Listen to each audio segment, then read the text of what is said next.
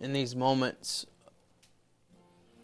Lord, I thank you that people who feel defeated, a people who feel defeated, Lord, a group of people who walk in defeat day in and day out, Lord, we don't claim that. We claim your victory. We've done nothing but mess it up, God. But you, Jesus, you, Jesus, King Jesus, stomped on death's neck. And because of that, you are the victory holder and invite us to partake in that, God. Oh, Lord, we're not worthy to speak your name, but Lord, I thank you for that name that is victory. Lord, that we we aren't fighting for victory, we're fighting from victory, God.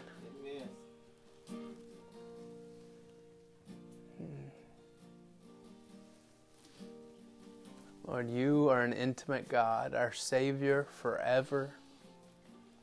And Lord, that victory that belongs to you, we thank you that you've let us partake in it. So, Lord, we pray for victory right now.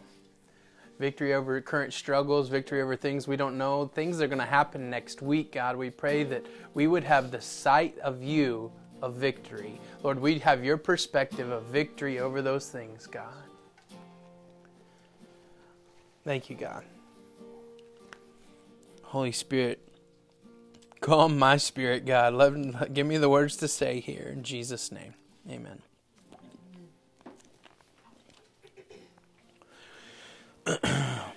so, uh, the thing that you're not supposed to do in any type of like oral communication is say, "This is going to be awesome." Right, right beforehand, right, right, because because usually those are things that flop. But y'all, I don't know. There's something unique about this message that is the Lord's today. I'm not awesome. I've told you before, I'm an idiot. But God does things in me that I just really sense it's beyond individuals, it's for us. And um, kind of been stuck in a good way with some clarity around Joseph and what God did with Jacob and Isaac and some of the things that we've been reading. I know that we've moved on into Job now, but um, I've kind of gotten stuck in a good way. And um, I want to share with you, we talked last week about walking through that path that leads to promise, you know, and the things that Joseph was in that pit and in the prison and dealing with Potiphar's wife. I think whoever it alliterates so well. There's all P's, right? Pit, prison, Potiphar's wife, and then prominence, right? Like I could preach that man, it's too many P's coming out of my mouth. Um, so we talked about that pathway of promise last week and how God just really, in the midst of chaos, He still fulfills on promises. Well, I didn't finish what the promise was. And I think for us to see the promise today, um, I'm going to jump around a whole bunch. If you want to go ahead and get to Genesis 49, I'll be there in a little bit. But we need to see the promises of God that affect Joseph's life. In Genesis chapter 12, verse 1, it's the very first time we see Abram, ultimately, who will become Abraham. In Genesis 12, verse 1, God says this to Abram Now the Lord said to Abram, Go from your country of your kindred and your father's house to the land that I will show you and I will make you a great nation. I will bless you and make your name great, so that you will be a blessing. I will bless those who bless you, and him who dishonors you I will curse. And in all your families of the earth, in all the families of the earth shall be in you, all the families of the earth shall be blessed. So Abram went as the Lord had told him, and Lot with him. Abram was 75 years old when he departed from Haran.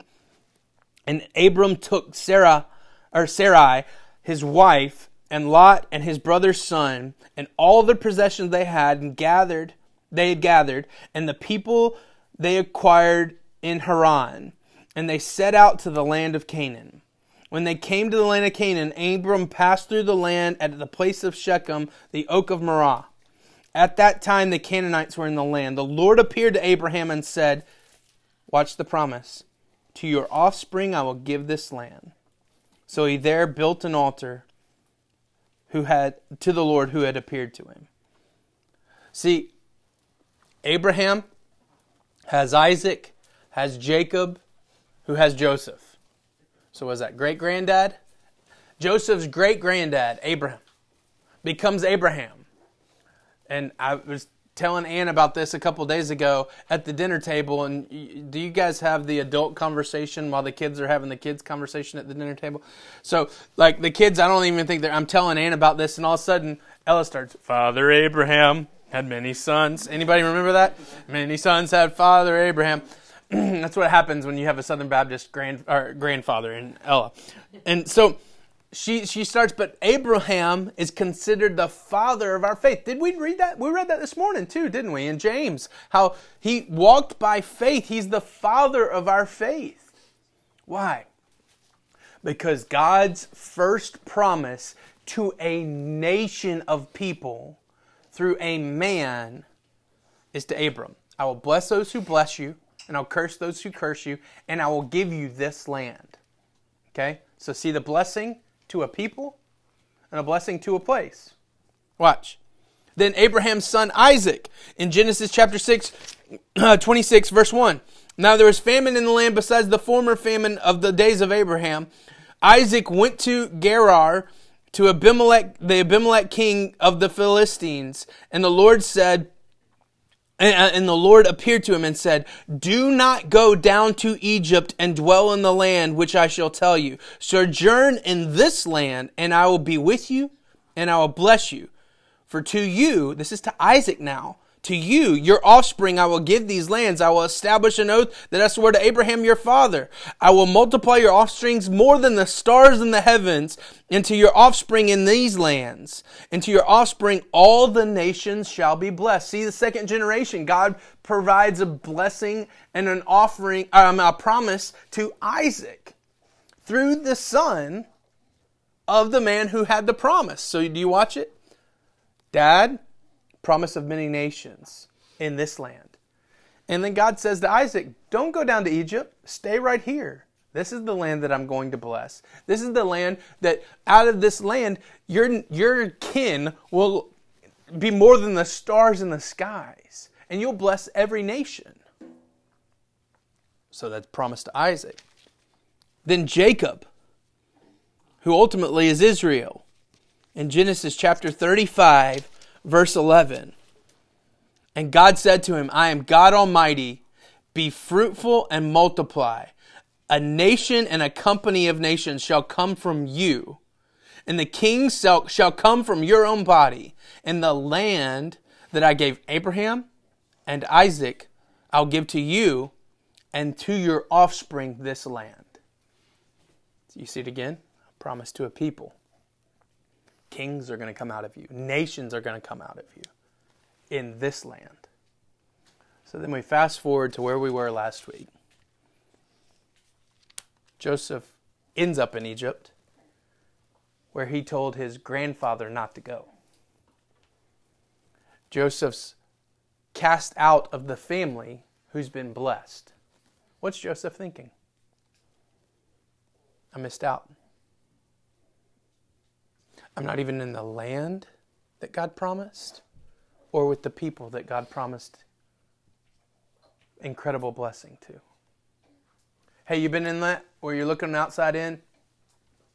Feel like I, I remember feeling this thing sometimes early in ministry. We would move and then God would do something, and I feel like, oh, was I the problem? Right? Like I needed to be the one that leaves and God does something and all of a sudden I'm, I've got FOMO real bad, right? Like fear of missing out, like so bad. Hey, I think that there's a personal FOMO. You interact with people and you miss out and you want to go interact with other people. Do you do that? It's an interaction. It's not just fear of missing out on an event. It's an interaction with people. Do you have lots of friends and you all of a sudden end up and you're like, man, I interact with a whole bunch of people, but I, I, I, I don't give time for intimate conversations, right? Anyways, that was a rabbit trail, sorry. But the reality is this watch, do you see this? Joseph is in prison in Egypt. Shoot, even when he's in prominence, he's still in the back of his mind know that his great grandfather had a promise of a people in a land. His grandfather had a promise of a people in the land. His dad had a promise even that kings would come out of him. He could have been a king. And he's not there. Watch this. There's a people of a promise, but Joseph's with a strange group of people. We know, I mean, like how many weird Egyptian customs come out of Egypt during this time frame? Right? How they bury their people, how they worship their gods, even how they keep themselves clean is very different. Very strange land. And then he's not even in his hometown. We lived out of out of our country or out of Memphis for about eight years. You know that oh, this sounds funny. You know that Memphis has a smell, right? Not a bad smell, but a good smell, a smell of comfort, Hey, do you do that when you go back to your mom and dad's house, maybe? You have a smell and it's, it's this comfort concept. Maybe some of you are like, nah, it's a different type of thing. But, but you, and uh, anybody, girl, ladies, do you wear cool water? You know I'm talking about the cool water perfume? Like, if Anne wears cool water, it's like business time, right? Right? right? right? Right? Why? Because when we were 16, 17 years old, what does she wear? Cool water. And I turn into a 16, 17 year old boy when she wears cool water, right? Even comfort, taste, smell. Sorry, guys. Yeah, if you're wearing it right now, I apologize. Sorry. Yeah, it's only my wife. even even taste, comfort, smells. We joked the other day. Um, I drove a 1988 Isuzu Trooper when Ann and I were dating. Only drove it for the first six months. We dated for five years. I only drove it, drove it for the first six months of us dating. But for some reason, in the back of our heads, that's like, like nostalgia to us. It would be horrible for me to have one right now. But you know what? To sit in one, that smell, that comfort, even the way the steering wheel felt, you know, there's some homey and satisfying things of being in a land that you're comfortable with. What if I added to it, the favor of God is on that land and I'm not there? The favor of God is on that family and I'm on the outside looking in. What's Joseph processing? He's going back and reflecting on these things. Watch. Poor choices can postpone God's promises. Poor choices can postpone God's promises. Hey, watch. This isn't Joseph's choice. These are choices that affected him. He didn't choose anything, right? He's walking faithfully before the Lord. He's putting his foot in his mouth, using his gifting in the wrong way. But these are the poor choices of his brothers a pit, a palace, a prisoner, and a prominent leader. Not a promise. He didn't want any of it. What if Joseph had stayed in the land that prom- a promise that God had spoken of? What would have happened? You know this just as well as I do. The 400 years of Egyptians enslaving the Hebrew people would not have taken place. If we accept the full authority of what God's doing, the promises come quicker.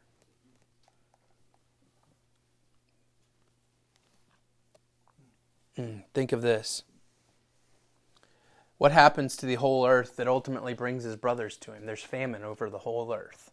What if Joseph was in his hometown and had that dream and created in Canaan these storehouses and everyone came to God's place to receive physical and even spiritual food? Completely different. Then watch watch the domino. Watch the domino effect. How does Egypt look different today if that had happened?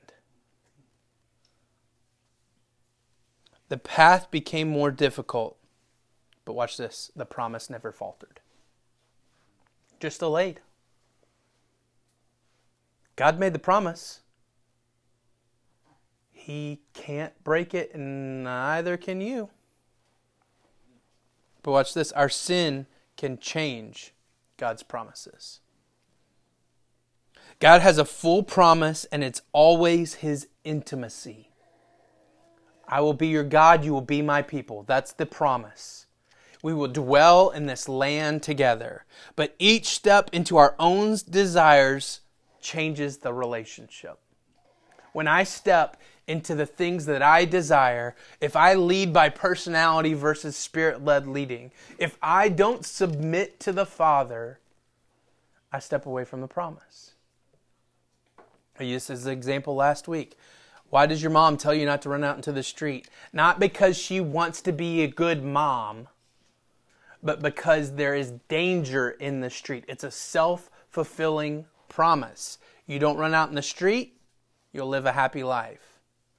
Those who honor their father and mother live long, happy lives. This is hard. God's full promise, full promises are given to those who live life fully yielded. I got to have empty hands to receive promises. If I'm still carrying things, I Max is. Do you have a kid that carries things everywhere he goes? That that's my son. Uh, you walk upstairs right now, and he's got two Legos in his hands, and somehow been moving chairs while holding on to Legos. I'm like, dude, just drop, get them out of your hands, and you can help me move the chairs. Yesterday we're doing we're doing the leaves, and the kids are kind of helping, like they're helping to their best ability, you know that kind of thing. And I keep looking up, and Max has sticks that he wants to play with, swords and stuff like that, in his hands, while trying to put leaves in. I'm like, dude, what? You can't. You got your hands full. You can't do the job effectively. Holy smokes, how much does our Father look down and go, What are you doing? Drop that out of your hand. I want to put something better in your hand, and you've got your own thing? I got a Big Mac in my hand and he's got filet mignon, right? Like, like I've, I've got things in my hands that I think, that I perceive, I'm not living life yielded. It becomes a promise that I have, and I break promises pretty regularly. Let me rock your boat for a minute. How did Joseph end up in this situation? I told you sin can change God's promises. It doesn't break it, it just changes it. Jacob steals birthright, steals blessing, and then flees because Esau is going to kill him. Skillful hunter is now hunting his brother, his twin brother. He runs to, which seems weird, it's not incest, but he run, runs to his mom's brother's place and ends up falling in love with his mom's brother's sister. Basically, his cousins, right? Watch this. I read it with some guys this morning. Jacob approaches this well, sees all these sheep, asks these men, Do you know Laban? And they're like, Yeah, this is his daughter. She's a shepherdess. She's bringing all these sheep. He looks at Rachel, sees that she's beautiful. Before he even says something to her, you know what he does? Plants one on her. A man running because he's deceived and manipulated runs into a woman, sees her physical outward appearance, kisses her, that feels really instinctive, not a life yielded. Watch. He goes to Laban. Laban says, You can work for seven years and I'll let you marry Rachel. What does Laban do? He tricks him. On the wedding night, slips the eldest daughter in because that's really the custom is younger daughter can't get married to the older daughter, right? Too bad the younger one's prettier. You got to marry the old hag first, right? Gives Leah to Jacob. He sleeps with her, wakes up in the morning, freaks out, says, You got to work seven more years and then you can get Rachel. When he marries Rachel, God says, I closed her womb. But we know Leah gets pregnant four times real quick.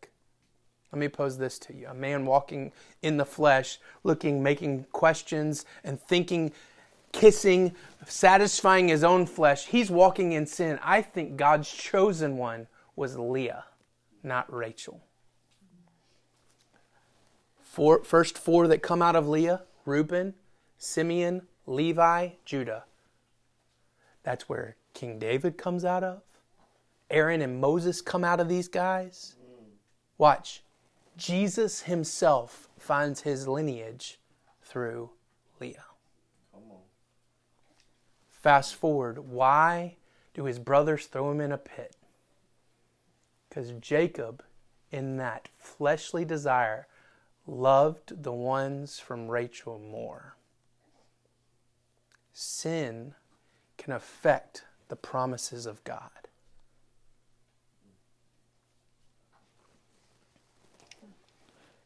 Jacob's initial attraction was outward and physical. God opened Leah's womb but closed Rachel's.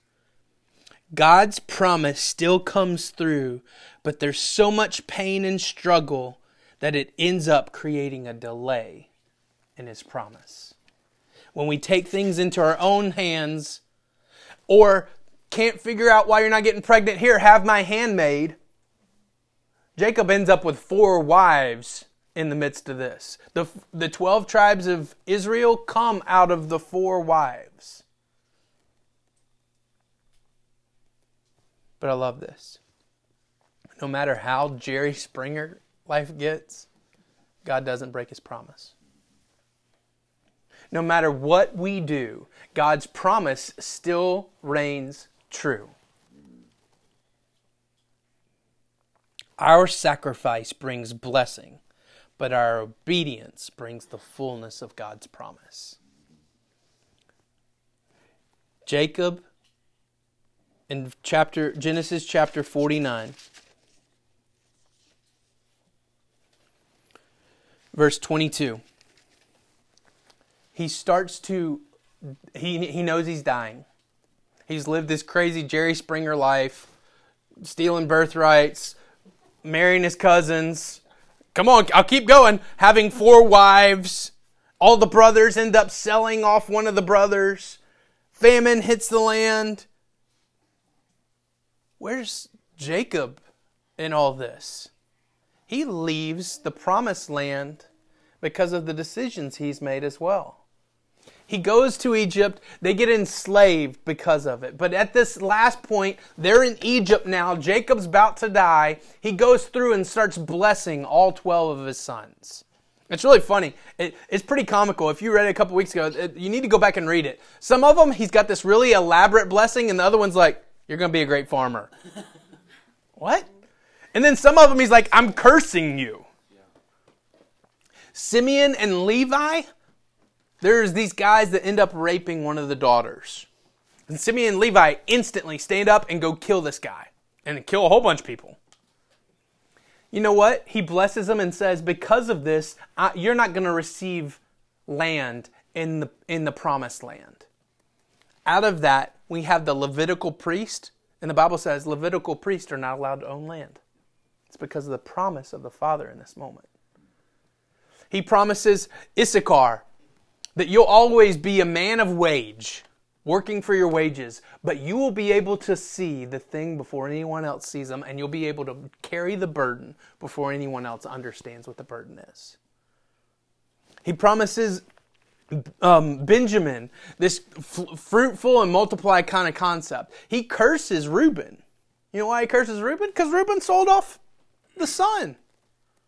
Reuben doesn't end up settling in the promised land, he waits outside. Watch this.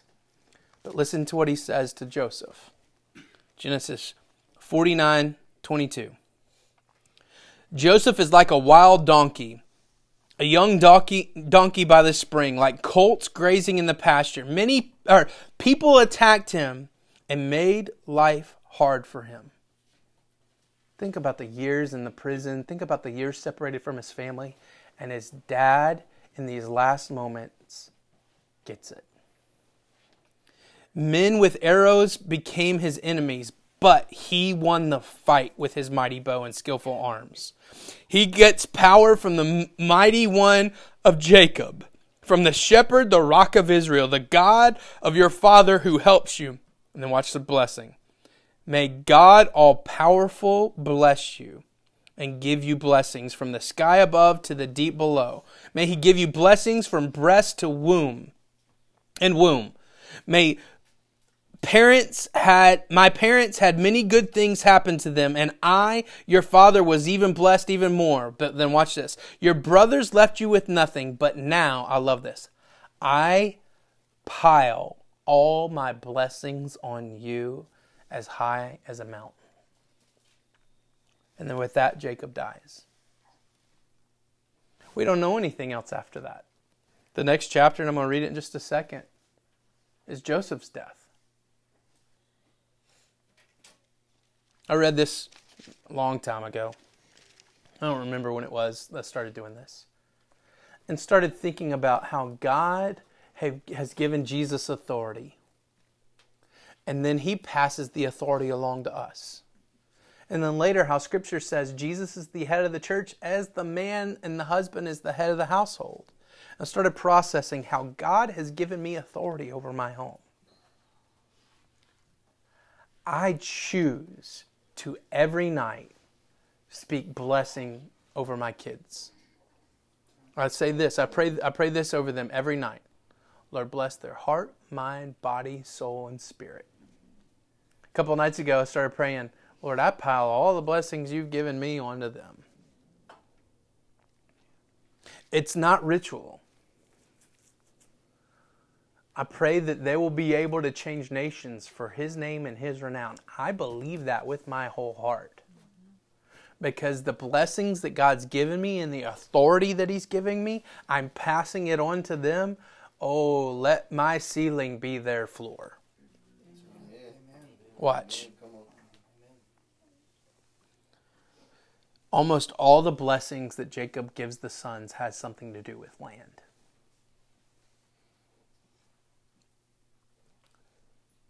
So Joseph, probably insecure a little bit, hears everybody else talking about the land. And his father understands what he's walked through. But Joseph still, I have my family, the people of blessing, but we're not in the land. That second part of all those blessings from Abraham, Isaac, and Jacob.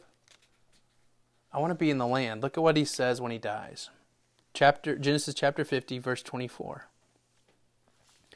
When Joseph was near death, he said to his brothers, My time to die is almost here, but I know God will take care of you and lead you out of this country. God will lead you to the land he promised Abraham, Isaac, and Jacob.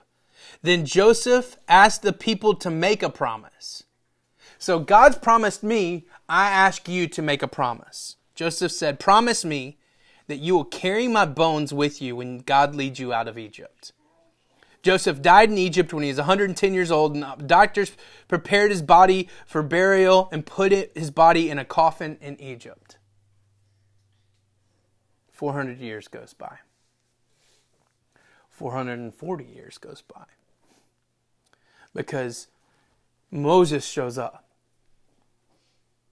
through that Leah line and says, Let my people go. And you know the interaction with Pharaoh. And the by this point 1.4 million Hebrew people leave the enslavement with God parting the waters, just like we sang about this morning, and wander in the desert for 40 years, but God's a promise keeping God. What's on the tip of their tongue that they're looking for? The promised land. They're a promised people. But God said there's something about the land. These promised people finally cross. Joshua leads them across the Jordan. They get across, they settle, and then Joshua chapter 24, verse 32. As for the bones of Joseph, which the people brought up out of Egypt, they buried them at Shechem.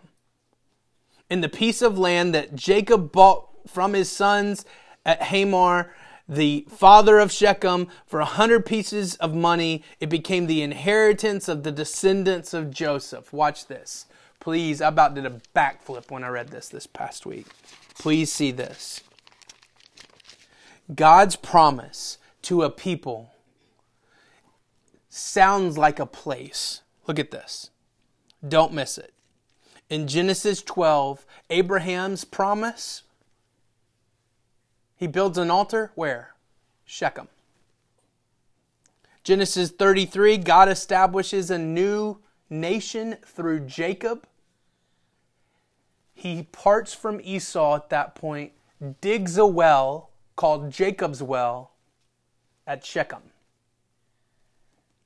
Verse 24, Joshua 24, 32, they return back from Egypt, come to the promised land, set up at Shechem, and bury Joseph's bones. You see, Abraham builds an altar, Jacob settles in the land, and God's promise the whole way through promise to a people, promise of a land. He says that to Abraham. Promise to a people, promise of the land. He says that to Jacob, and Jacob builds a well. And then Joshua gets to deliver on the promise by burying Joseph at Shechem. I was excited about that. And I started thinking, Jacob's well. I've read that before. In John chapter 4 verse 4. It's talking of Jesus, and he had to pass through Samaria. So it came to the town of Samaria called Sychar. That's the new Shechem. They've just renamed it. Near the field that Jacob had given to his son Joseph. Jacob's well was there, so Jesus, wearied as he was from the journey, was sitting beside the well about the sixth hour. A woman said to him, Sir, I perceive you are a prophet. This is, I skipped ahead, sorry, verse 19. Woman said to him, Sir, I perceive you a prophet. Our fathers worshipped on this mountain, but as for you, you worship in Jerusalem. Is there a place where people ought to worship? And Jesus said to him, Woman, believe me, the hour is coming when neither this mountain nor the Jerusalem will worship the Father. You worship what you do not know. We worship what we know, for salvation is here for the Jews. But the hour is coming, and it even is now, when true worshippers will worship the Father in spirit and in truth. For the Father is seeking such people to worship. God's Spirit and those who worship Him must worship in spirit and in truth. First time in Scripture. You ready? The woman said to him, I know that Messiah is coming. And when he comes, he will tell us all these things. And Jesus says, I am who you speak of. Do you see it? God makes a promise to Abraham, God makes a promise to Jacob about a people and about a land. Joseph goes to Egypt, ends up coming back to his bones, buried at Shechem. God delivers on the promise but it's not finished. Jesus steps to the very same soil and is declared Messiah for the first time. And God closes the book on that promise and says, Promised finished. God says, All the promises of God find their yes in Jesus. Jesus steps on the very same soil I will bless those who bless you and curse those who curse you. Jesus steps on the very same soil where God said to Jacob, You will be as many as the stars in the heavens, and you will bless all the nations. Joseph is buried on the same soil because God's made the promise, and then Jesus shows up. Oh, please don't miss it. And finishes the promise. You know what the word Shechem means? Shoulder. Church, please hear this. His promises are not yours to shoulder. God's promises aren't a place, it's a person. The promises that God's placed on you, the promises that you feel deep in your spirit that maybe you'll never come and you're praying and begging heaven for, those are not your burdens to carry because there's His to deliver on. All the promises he has given are his responsibility to deliver. They're on his shoulders and not yours. Please see this. Don't look for places, look for a person. I mean, so much of where we are right now as a church. Let's identify as the promise keeper, not a place. or let's identify with the promise keeper, not a place. Let's identify with the promise of God, which is Jesus Himself. See, out of Leah comes Judah, and out of the tribe of Judah and out of the Levitical line comes Jesus, the King of Kings and the Lord of Lords. Amen. He is the promise. How do you process this on a day and day basis?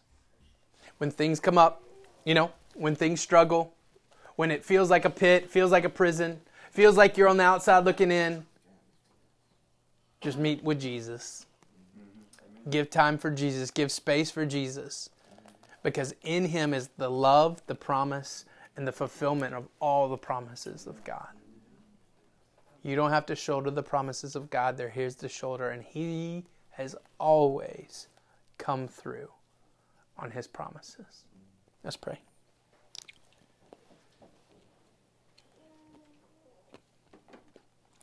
Lord, we thank you for Shechem. we thank you that you carry the shoulders, or you shoulder on yourself the promises of God.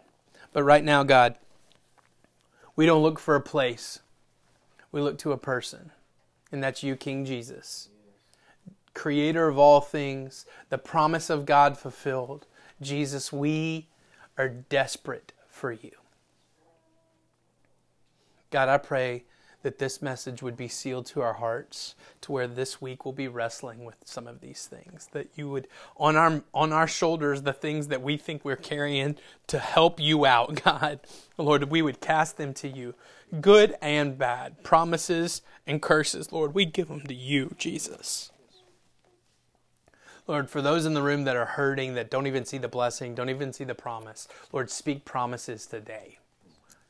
Give us places like Shechem where you come through in great authority and say, I'll bless those who bless you, curse those who curse you.